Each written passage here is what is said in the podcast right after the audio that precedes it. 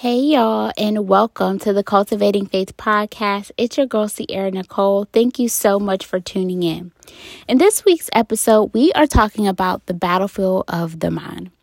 A few weeks ago, in one of my Monday Mindset emails, we broke down Luke 10 19.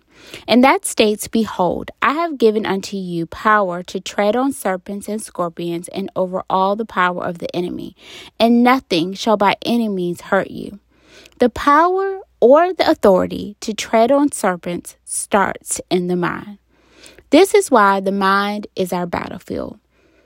Authority, by definition, is the power or right to give orders. A few synonyms for authority are power, control, charge, dominion, or influence. By knowing God's word, we can demolish or take authority over thoughts or words that are spoken against us that do not align with the word of God. When a thought comes into our mind, we have the ability to take that thought captive and ask ourselves if it aligns with the Word of God. If it doesn't, we can reject it. 2 Corinthians 10:5 states, "We abolish, we demolish arguments in every petition that sets itself up against the knowledge of God, and we take captive every thought to make it obedient to Christ." By doing this, we are cultivating or renewing our mind to align with the Word of God. Many of us have been guilty of meditating on random thoughts versus meditating on the Word of God, which is the truth.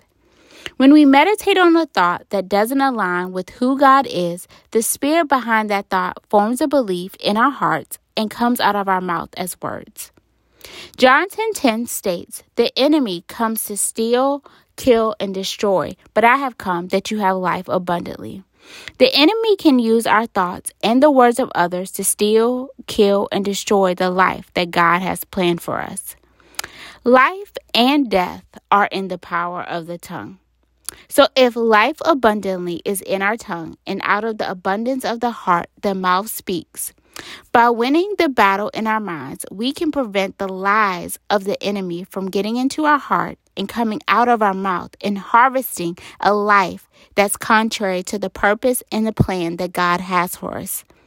This week, I want to remind you that you have the power, the control, and the authority to win the battle that's in your mind. I hope that you all have a great week, and this week you take authority.